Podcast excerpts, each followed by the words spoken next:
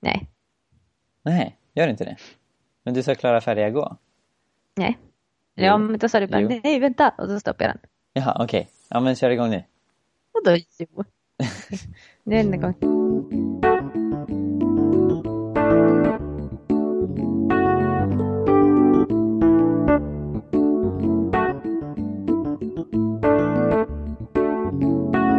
Hallå, hallå, hallå! Välkomna till Jesusfolket!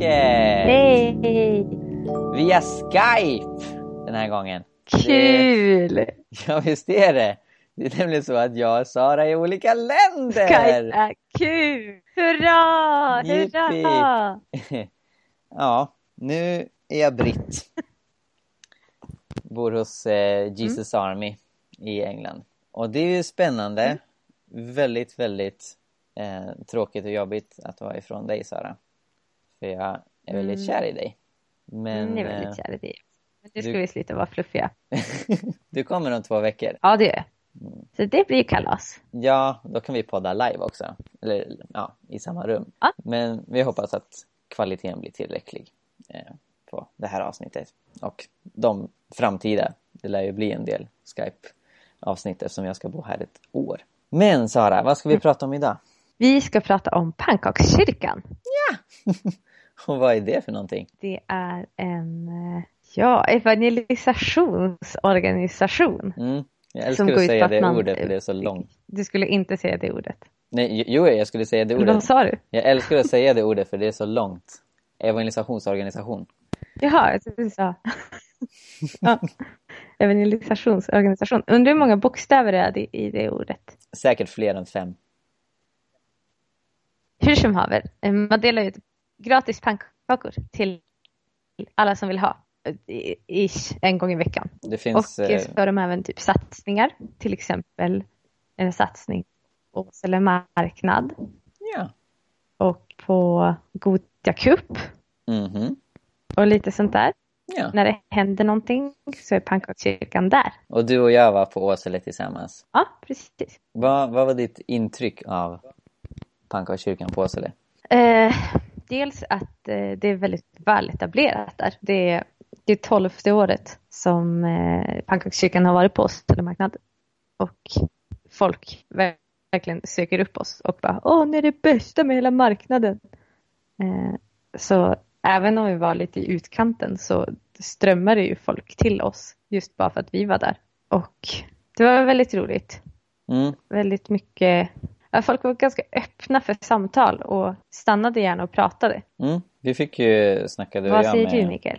tre tjejer. Det var väldigt bra samtal som vi fick med dem. De snackade vi med i över en timme. Ehm, De gick på samma gymnasium alla tre. Eh, En av dem Mm. var ateist eh, och eh, ja, hänvisade till naturvetenskapen och jag gav lite argument för hur naturvetenskapen kan peka på att det finns en skapare. Till exempel utifrån att universum uppstod och ehm, att det finns en, en väldigt eh, avancerad finjustering av universum som kräver design. Men sen den andra tjejen, hon var ehm, öppen för att det finns någonting, att det finns en gud. Men hon, hon trodde inte på religion, sa hon. Hon ville inte tillskriva sig någon religion. Och den tredje tjejen, hon var engagerad i Svenska kyrkan. Så det är som tripp, trapp och trull när det gällde kristenhetsgrad. när det gäller de här tjejerna. Och eh, ja, vi förmedlade evangeliet eh, till dem och, och pratade med dem eh, om allt möjligt egentligen. Vi ville ju också veta liksom, hur, hur deras vardag och, och skolliv ser ut. Men också förmedla att det finns en Gud, att han har en son i Jesus och, som ger evigt liv. Eh, och jag gav ju en bibel till den här tjejen som inte trodde på religion och, och Mm. peppade henne att söka mer. Och sen kvällen efter så snackade vi med en, en eh, kille rätt så länge. Eh, väldigt spännande samtal. Eh, för att han erkände att han hans anledning till att inte tro på Gud var bara att han hade växt upp på det sättet. Han hade aldrig liksom tänkt igenom den eller haft några skäl, liksom argument för att Gud inte skulle finnas utan det var bara så han, han var uppväxt. Eh, och vi förmedlade evangeliet. Du berättade om, om ditt helande för honom, eller hur Sara? Ja, precis. Det gjorde jag. Tänkte du att jag skulle berätta det här också? Ja, naturligtvis, naturligtvis. ja, jo, eh, ja, men jag berättade för honom om, och egentligen för de här tjejerna också. Ja, just det. Ja. Eh, jo, men jag berättade för dem om eh, att jag från, från att jag var åtta till att jag var 16 år hade eh, kronisk huvudvärk eh, och som bara blev värre och värre och egentligen hela högstadiet så hade jag migrän mer eller mindre varje dag och det var jätte, jätte, jättekämpigt eh, att så här, orka kliva upp i sängen och kämpa mitt i skolan och ja, orka med livet som tonåring. och jag hade verkligen provat allt och ingen visste vad som var felet eh, och ingenting verkar egentligen hjälpa. Och så en dag så var jag på Lapplandsveckan och så var det en som, eller några stycken som bad för mig för helande och sen dess har inte jag haft ont i huvudet annat mm. än när jag typ har feber eller inte har druckit kaffe. Ja, alltså ja. det är så otroligt starkt vittnesbörd. Så det berättar jag för dem. Och, och det... eh, jag, jag tror att de blir mer påverkade än de vill visa på något sätt. Att de, att de som, ja, att den här, den här killen som vi pratade med, han, han liksom sa att bara, ja men det är jättebra, men jag, jag vill ju som uppleva någonting sånt själv i så fall. Så här, att någon annans upplevelse, det spelar som ingen större roll. Mm. Men jag tror att det, jag tror att det ändå går in, för man såg ändå att han fick en tankeställare. Ja, precis. Och det, det är svårt att avskriva Gud som eh, var en saga eller en osynlig låtsaskompis när några sådana saker händer.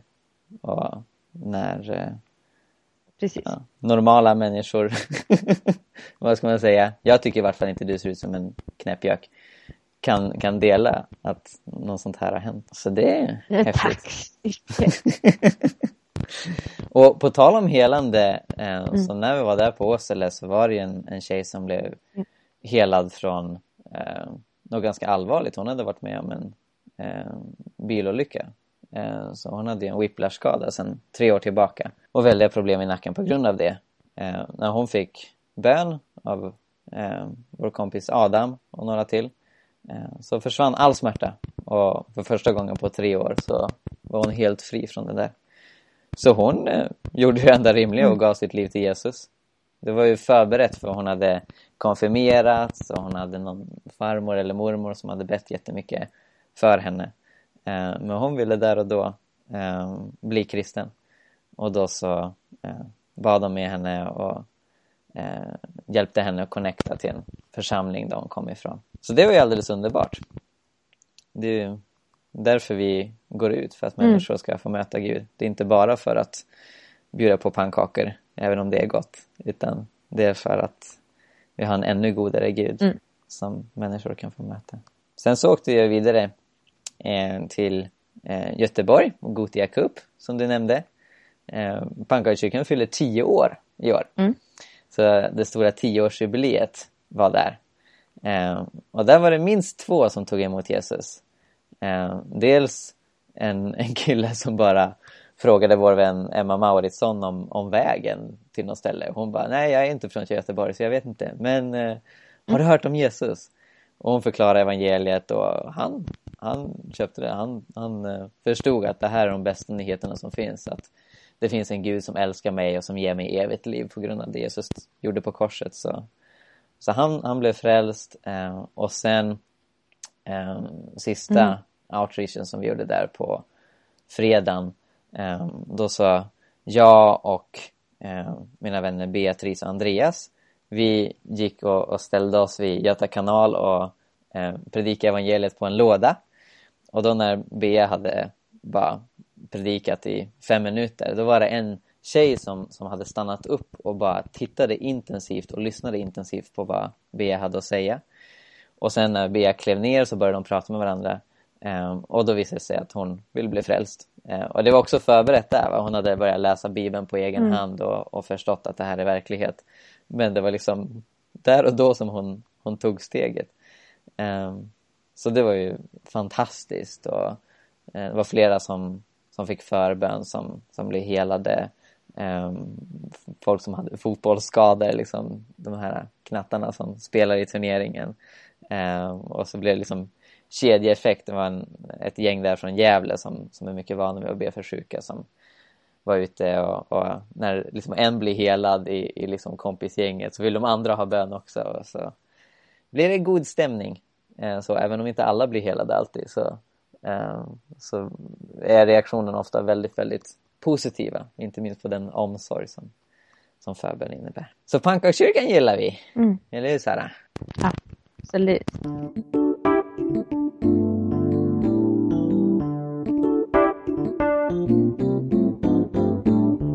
I pannkakskyrkan så brukar vi prata om att eh, vår vision är en pall med tre ben. Och de här benen heter berätta, betjäna och be. Det är det sätt som vi förmedlar evangeliet på. Eh, och det är egentligen något som eh, Samuel och Jossan som har grundat pannkakskyrkan bara kom fram till på egen hand. Ja, men det här är de tre tillvägagångssätten vi vill använda för att förmedla evangeliet.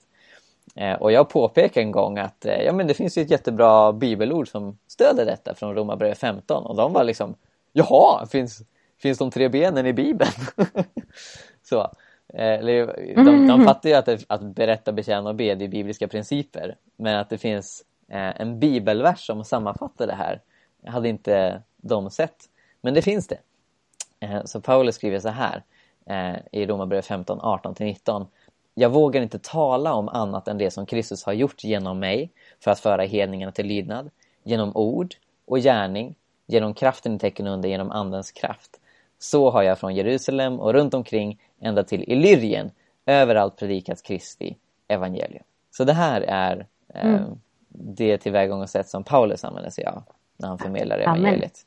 Eh, ord, gärning och kraft. Och det, det är ett evangelisationssätt som jag tycker är väldigt sunt. För kan du få intrycket av Sara ibland att man, man, begränsar, man begränsar evangelisation till att bara handla om ord eller till att bara handla om någonting annat? Mm, absolut. Liksom att man kan bara, ja ah, men vi, vi evangeliserar men bara genom handlingar. Mm. Eller att man bara berättar och inte lyssnar och betjäna människor vid att bli sedda till exempel. Mm. Eh, mm, så absolut, verkligen. Du har prövat lite olika former av evangelisation i dina dagar. Vad är det som gör att du tycker pannkakskyrkan är så bra? Vad är det med själva pannkakskonceptet som, som funkar? Dels att det blir ganska så naturliga tillfällen att, att börja prata med människor. Det tycker jag är härligt. Att, alltså, att, att det blir inte det här alltså att man kommer och kastar evangeliet i huvudet på dem och ser hur de reagerar. Utan, utan eh, folk blir allmänt väldigt glada av pannkakor. Och mm. i, i, den glädjen så kan man berätta om något som är ännu mer glädjande. Och då blir folk generellt ännu mer glada. Mm. Eh, ja, så jag, jag, tycker att det är en väldigt, väldigt bra plattform. Och det får också människor att stanna upp en stund. Att stanna och äta en pannkaka och prata om eh, det som, det som många väljer att kalla för livsåskådning. Mm. Exakt. Ja. Det, det, är ett avslappnat sätt att förmedla evangeliet på. Um, väldigt roligt. Det finns ganska mycket självdistans i själva namnet Pannkakskyrkan. För så mm. hette det inte från början. Eh, när nyss nämnda Samuel Josefin Lundström och de andra satte igång med det här för tio år sedan, då kallade de det för Sommarkyrkan och tänkte att det bara var ett sommarprojekt Um, och de hade med sig lite kubb, någon fotboll, lite pannkakor till Stadsparken i Uppsala och alla älskar pannkakorna. Alla tyckte bara wow, gratis pannkakor! Så det var ju kidsen i parken som började kalla det för pannkakskyrkan. Och sen när det blev höst och, och de liksom inte förmådde sluta utan fortsatte att göra det här, då blev det liksom orimligt att kalla det för sommarkyrkan när liksom snön började falla i november. Um, men sen också det faktum att alla redan kallar det för pannkakskyrkan så då tog de det namnet. Och det, det är ju ett, ett namn som eh, dels alltså rätt och slätt uttrycker vad det handlar om eh, men som mm. också men visar på, på glädjen och, och humorn eh, i att förmedla goda nyheter eh, till, till människor. Så ja, det har verkligen varit mm. något som är lätt att ta till sig och som också är lätt att vara en del av. För visst är det så att... Ja, men precis. Och det, det är också en styrka med pannkakskyrkan att, att man måste man måste inte ställa sig och prata med människor direkt om man inte känner sig bekväm med det. Utan man kan spendera ett år med att steka pannkakor och det är jättebra. Det behövs verkligen mm. människor som gör det. Mm. Eh, så att det finns liksom ett utrymme för att trappa upp och bli lite varm i kläderna innan man vågar ta nästa steg. Mm. Eh, det är också en jättebra grej med pannkakskyrkan tycker jag. Det är många som jag möter som har inställningen i kyrkan, nej men jag är ingen evangelist. Så det är jättebra att ni gör det där, men jag ska inte göra det. Och det vi försöker trycka på är att vi är inte nödvändigtvis evangelister som går ut med pannkakskyrkan. Vi är lärjungar.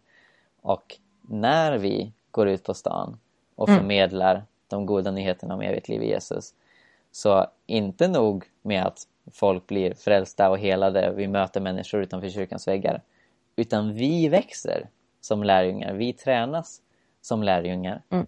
Um, och Bibeln säger i första Petrusbrevet 3, vers 15 att vi alla ska vara redo att ge svar um, angående det hopp vi äger. Um, män och kvinnor, gamla och ungar, mm. nyfrälsta och gammalfrälsta.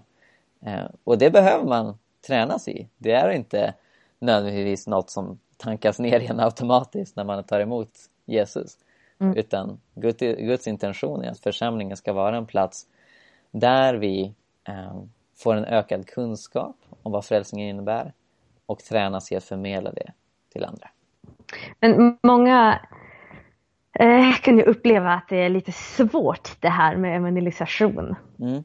Eh, att det är någonting som typ inte funkar idag eller som, eh, ja, som är en svår grej att göra. Mm. Vad säger du, vad har du att säga till dem Mikael? Ja, jag var ju en av dem. Um, så ja. jag hade stark evangelisationsfobi för, ja, det är inte mer än sex år sedan. Um, jag hade flyttat till Uppsala. Jag gick med i vår församling Mosaik och uh, var väldigt inspirerad av, av den församlingen um, i, i dess enkelhet och, och radikalitet och, och Jesus fokus.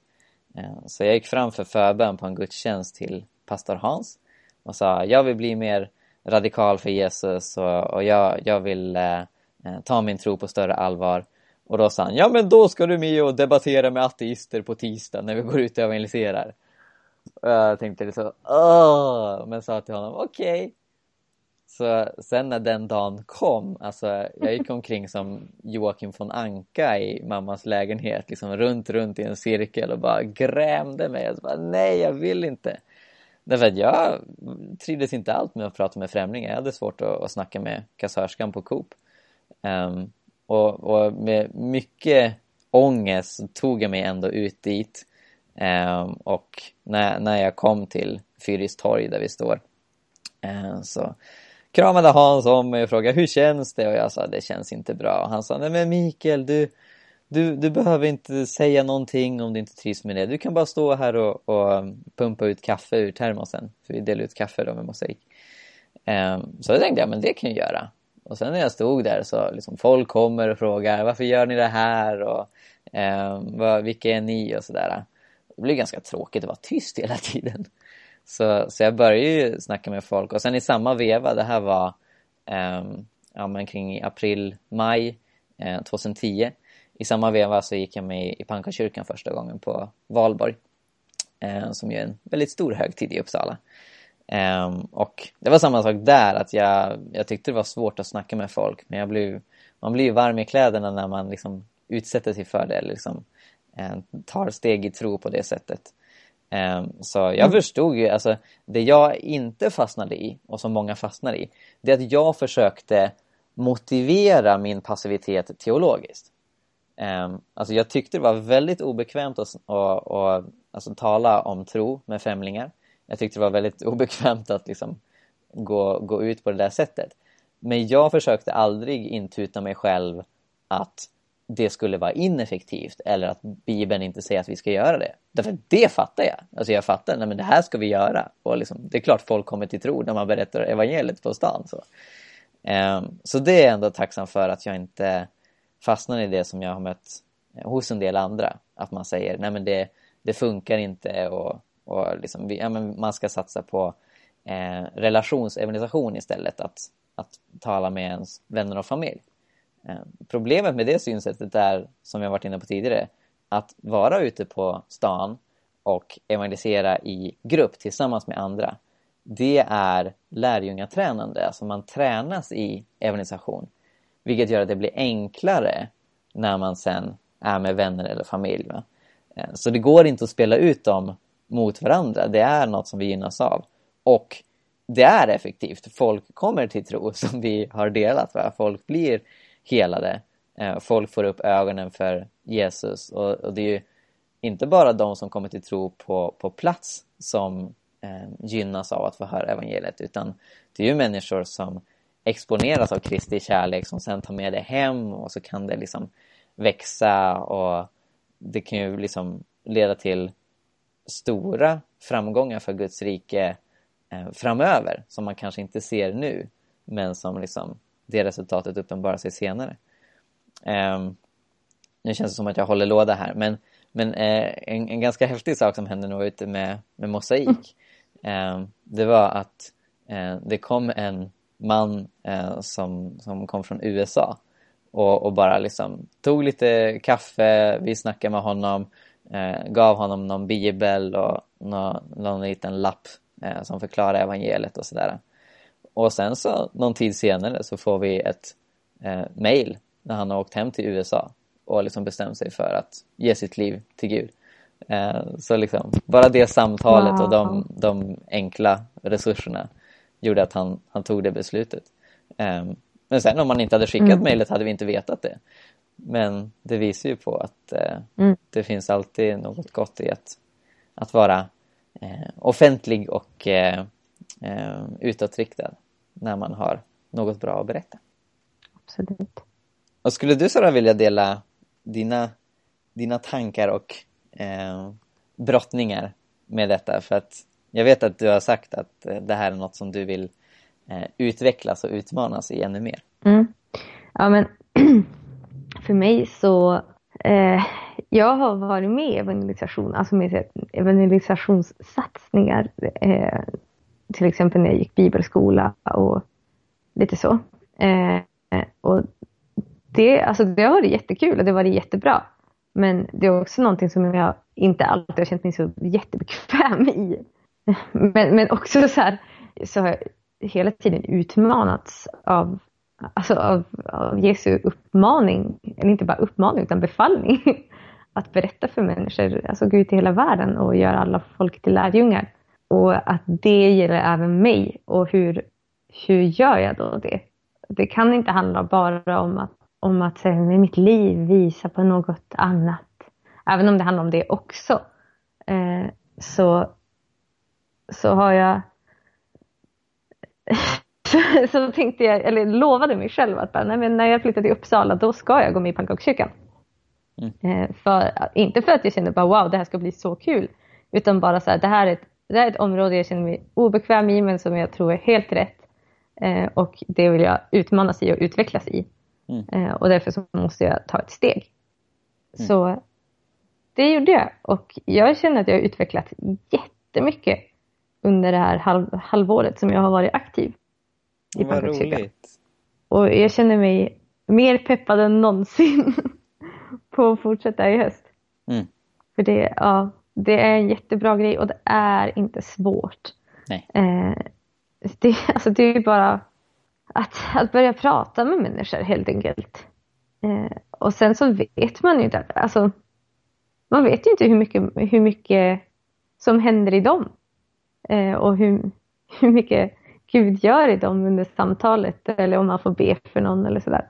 Mm. Eh, för det är ju som du säger, alla skickar ju inte mail.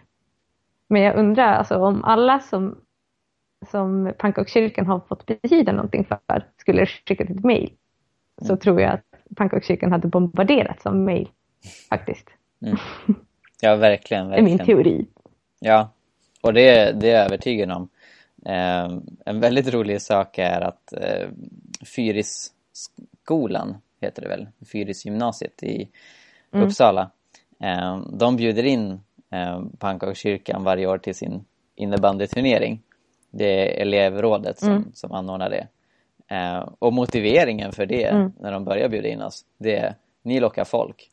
Så för att de ska locka folk till sin bandyturnering så måste kyrkan komma dit. Och det säger något om det förtroende och, och, och den betydelse som, som vi har. Um, jag minns inte vilket år det var, om, om det var 2014 eller något sånt där, när vi var där. Um, då var det liksom en muslimsk kille, han står och, och predikar för oss om hur mycket vi betyder för honom och hans generation. Och liksom, det handlar inte bara om pannkaka, mm. ni lyssnar på människor, ni finns till för människor, ni bryr er om människor, ni är fantastiska! Ah. Eh, mm. Jag snackade med en kille där, eh, han, han berättade om, om eh, sina dataspel och, och liksom vad han höll på med där, eh, vilket jag inte var jätteintresserad av. Eh, men jag liksom, ja, men satt snällt och, och lyssnade på honom, okej, okay, ja, ja, sådär, när han berättade om sina framgångar i dataspelsvärlden. Och sen när han bara snackat tio minuter nästan om det där så bara, så bara tystnar han och så säger han Det här har jag ingen att berätta för. Du, du är den första som lyssnar på mig om, om det här. Och jag bara, ja det är mm. klart jag lyssnar på dig. Så, så det, det, det, det är verkligen som du säger Sara, att eh, Pannkakskyrkan har betytt väldigt mycket för, för väldigt många. Um, och mm det är så som det ska vara. Va? Det, det står i Apostlagärningarna, den första kyrkan, att de var omtyckta av allt folket. Så, um, mm. så liksom, även om, om folk kan ha, ha väldigt starka åsikter om, om vad vi tycker eller tror liksom, eller tycker annorlunda så alltså evangeliet ska alltid ge en, mm. en god mersmak um, på grund av att det är goda mm. nyheter. Det finns en Gud som, som älskar oss uh, och som ger oss evigt liv. Mm. Eh, och det, det är till och med godare än den godaste pannkaka. Så om ni som ah. lyssnar om ni som lyssnar vill ha mer information om pannkakskyrkan så finns det på pannkakskyrkan.se. Om ni är sugna på att eh, gå med i en pannkakskyrka så finns där en lista på vart lokala pannkakskyrkor finns. Det finns eh, ja, ungefär 30 tror jag nu, eh, lokalgrupper runt om i Sverige. Eh, och där finns även information om hur man startar en pannkakskyrka. Man behöver inte vara fler än tre personer som fyller i ett formulär och så får man lite material och, och tips och tricks på, på hur man kan göra detta. Min ambition är att försöka starta en eh, mm. pancake church eller liknande här i Kettering i England. Eh, vi får se hur populära just pannkakor är. Det kanske blir Tea and Biscuit Church eller något sånt där. men det, det är min ambition så får vi evangelisera tillsammans Sara när du kommer hit. Precis. Mm. Ja, men det var allt för oss den här gången. Exakt. Och eh, tack så jättemycket för att ni har lyssnat. Och eh, vi ses om hörs. ja, precis. Om en vecka. Exakt. Gud välsigne er. Ja, Gud välsigne er. Hej då. Hej då!